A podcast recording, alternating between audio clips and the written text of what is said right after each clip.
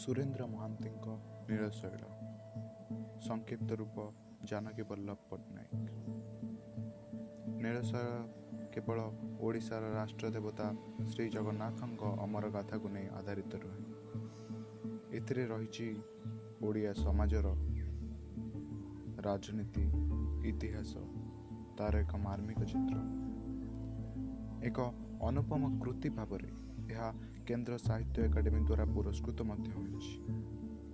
ଆମ ସାହିତ୍ୟର ଆଉ ଜଣେ ଯଶସ୍ୱୀ ଲେଖକ ଜାନକୀ ବଲ୍ଲଭ ପଟ୍ଟନାୟକ ନୀଳଶୈଳର ସଂକ୍ଷିପ୍ତ ରୂପ ପ୍ରସ୍ତୁତ କରିଛନ୍ତି।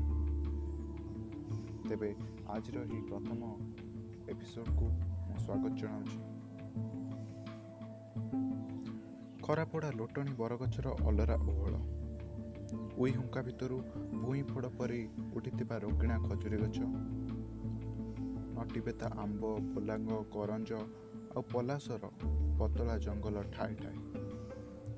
ଧୂଳିଆ ଜଗନ୍ନାଥ ସଡ଼କ ଅଙ୍କେଇ ବଙ୍କେଇ ମଲା ଅଜଗର ସାପ ପରି ଏହାରି ଭିତରେ ଚିତ୍ ହୋଇ ପଡ଼ିଛି। ଆକାଶରେ ବେଳାବେଳା ପାଉଁଶିଆ ମେଘ ଉଡ଼ାଳରେ ଅପରାହ୍ନ ସୂର୍ଯ୍ୟର ପ୍ରଖର ଦୀପ୍ତି ମହଳ ପଡ଼ିଲାଣି। ସବୁଆଡ଼େ ଏକ ଭୌତିକ ଅସ୍ୱାଭାବିକ ନିରବତା। ସେହି ନିର୍ଜନ ସଡ଼କରେ ଜଣେ ଅଶ୍ୱାରୋହୀ ସମ୍ମୁଖର ସେହି ବିସର୍ପିଳ ଧୂସର ପଥ ଆଡ଼େ ଚିନ୍ତା ଗମ୍ଭୀର ଦୃଷ୍ଟିରେ ଚାହିଁ ଧୀର କଦମରେ ଘୋଡ଼ା ଚଳାଇ ସମ୍ଭବତଃ ପୁରୀ ଅଭିମୁଖେ ଚାଲିଥିଲେ। କିଏ ଏହି ଅଶ୍ୱାରୋହୀ? ଆଜି ଭାଦ୍ର ଶୁକ୍ଳ ଏକାଦଶୀ। ପୁରୀରେ ଶ୍ରୀ ଜଗନ୍ନାଥଙ୍କ ପାର୍ଶ୍ୱ ପରିବର୍ତ୍ତନ। କାଲିକି ସୁନିଆ ବାମନ ଜନ୍ମ। ତେଣିକି ଯଦୁବଂଶର ବୀର ଶ୍ରୀ ଶ୍ରୀ ଗଜପତି ଗୌଡ଼େଶ୍ୱର ନବକୋଟି କର୍ଣ୍ଣାଟ କଳବର୍ଗେଶ୍ୱର ବୀରାଧି ବୀରବର ଶ୍ରୀ ଶ୍ରୀ ଶ୍ରୀ ରାମଚନ୍ଦ୍ର ମହାରାଜଙ୍କର ସାତ ଅଙ୍କ ଶେଷ ହୋଇ ଆଠ ଅଙ୍କ ଆରମ୍ଭ ହେବ। ପୁରୀ ଆହୁରି ବହେ ବାଟ। ଆଗରେ ଭାର୍ଗବୀର ଆଉ ଗୋଟିଏ ଧାର। ଅଶ୍ୱାରୋହୀ ହଠାତ୍ ଲଗାମ କଷି ଘୋଡ଼ା ଅଟକାଇ ଦେଲେ ଏ କ'ଣ? ଆଗରେ ଏ କିଏ? ମଣିଷ ନା ପ୍ରେତ ଜଣେ ଦଣ୍ଡବତୀ ଯାତ୍ରୀ ଯେପରି ଦୁଇ ଶୀର୍ଣ୍ଣ ହାତରେ ଛାତିକୁ ଲଗାଇ ଧରିଥିବା ଇଟା ଖଣ୍ଡ ସାମ୍ନାକୁ ଫିଙ୍ଗୁଥିଲା ଓ ଇଟା ପଡ଼ିବା ସ୍ଥାନ ପର୍ଯ୍ୟନ୍ତ ସେ ଯେପରି ଗଳଗା ଚିନି ଉଛାଳି କରି ପଡ଼ିବା ପରି ଧୂଳିଆ ସଡ଼କ ଉପରେ ଦଣ୍ଡବତ କରୁଥିଲା ସେଥିରୁ ତାକୁ ପ୍ରେତ ବୋଲି ସନ୍ଦେହ କରିବାଟା ସ୍ୱାଭାବିକ। କିନ୍ତୁ ସେ ପ୍ରେତ ନଥିଲା। ସେ ଥିଲା ଅପରାଜୟ ଅବଦମିତ ଅକ୍ଳାନ୍ତ ତୀର୍ଥଯାତ୍ରୀ। ଛୁଟିଛି ଆତ୍ମାର ଆବିଷ୍କାରରେ ମୁକ୍ତିର ବିପାସ ଧରି। ସେ ଯାତ୍ରା ଅବାରିତ। ତକିଖାଁର ଆତଙ୍କରେ ସୁଦ୍ଧା ସେ ଯାତ୍ରା ଗତି ଚଞ୍ଚଳତା ହରାଇ ନାହିଁ। ଆଜି ଶ୍ରୀମନ୍ଦିରରେ ଏକାଦଶୀ ମହାଦୀପ ଉଠିବା ବେଳେ ଏବେ କୁଆଡ଼େ ଚିନରାମାନେ ଖୋର୍ଦ୍ଧା ରଜାଙ୍କ ନାମରେ ଆଉ ଡାକ ଦେଉନାହାନ୍ତି। ଡାକ ପଡ଼ୁଛି ବକ୍ସି ବେଣୁ ଭ୍ରମରବର ହରିଚନ୍ଦନ ମହାପାତ୍ରଙ୍କ ନାମରେ। ବକ୍ସିଙ୍କ ମତଲବଟା କ'ଣ?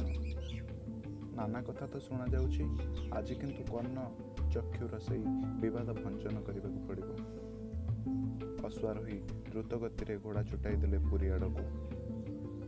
ଖୋର୍ଦ୍ଧାକୁ ଆସି ସର୍ବନାଶର ଜାଲ ଚାରିଆଡ଼ୁ ଘେରିଗଲାଣି ଦକ୍ଷିଣରେ ଚିକାକୋଲ ଫୌଜଦାର ରଘୁନାଥପୁର ଟିକାଲି ଠାରୁ ଚିଲିକା ପର୍ଯ୍ୟନ୍ତ ଭୂଖଣ୍ଡ ଅଧିକାର କରିବା ପରେ ତେବେ ସୁଦ୍ଧା ତାର କ୍ଷୁଧା ଆଜି ପର୍ଯ୍ୟନ୍ତ ମେଣ୍ଟିଲା ନାହିଁ। ହତାର ଅବୁ ତକିଖାଁ ଖୋର୍ଦ୍ଧା ଉପରେ ସେନ ଦୃଷ୍ଟି ପକାଇ ସୁଯୋଗର ଅପେକ୍ଷାରେ କେବଳ ବସି ରହିଛି। ଏଣେ ଘର ଭିତରେ ଦୁଇ ଗୃହ ଶତ୍ରୁ ବେଣୁ ଭ୍ରମରବର ଓ ଭାଗୀରଥୀ ରାୟ। ତକିଖାଁର ନାଏବ ନିଜାମ ଓ ମୋଗଲ ଆତଙ୍କ ଯୋଗୁଁ ଓଡ଼ିଶା ଆକାଶରେ ସୃଷ୍ଟି ହୋଇଛି ଏକ ଘୋର ରାଜନୈତିକ ଘଟାଘନା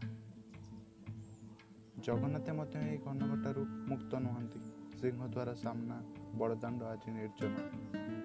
ଘର ଓ ମଠମାନଙ୍କରୁ ଦୀପ ଆଲୁଅ ସୁତା ବାହାରକୁ ଦିଶୁନଥିଲା ଅନ୍ଧକାରରେ କେଉଁଠି ଗୋଟିଏ ଭିକାରୀ ଗୁଣୁ ଗୁଣୁ କଣ୍ଠରେ ଭଜନ ଗାଉଛି ଜପନ ସାଲବେଗ ହୋଇଥିବ ବୋଧେ?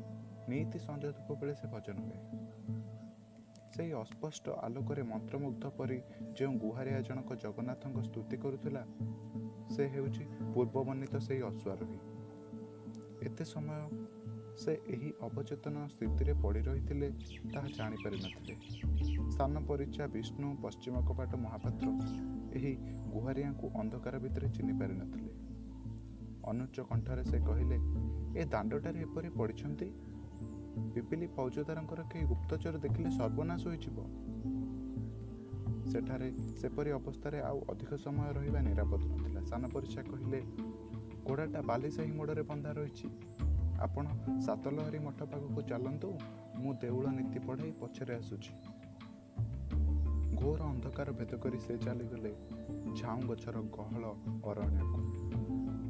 ସେଠାରେ ଆତଙ୍କିତ କଣ୍ଠରେ ସାନ ପରିଚା କହିଲେ ଛାମୁ ଏବେ ବାରମ୍ବାର ଶ୍ରୀକ୍ଷେତ୍ରକୁ ଆସୁଥିବା କଥା ତକିକା କାନରେ ଯଦି ପଡ଼େ ତାହେଲେ ଅବସ୍ଥା କ'ଣ ହେବ? ଛାମୁ?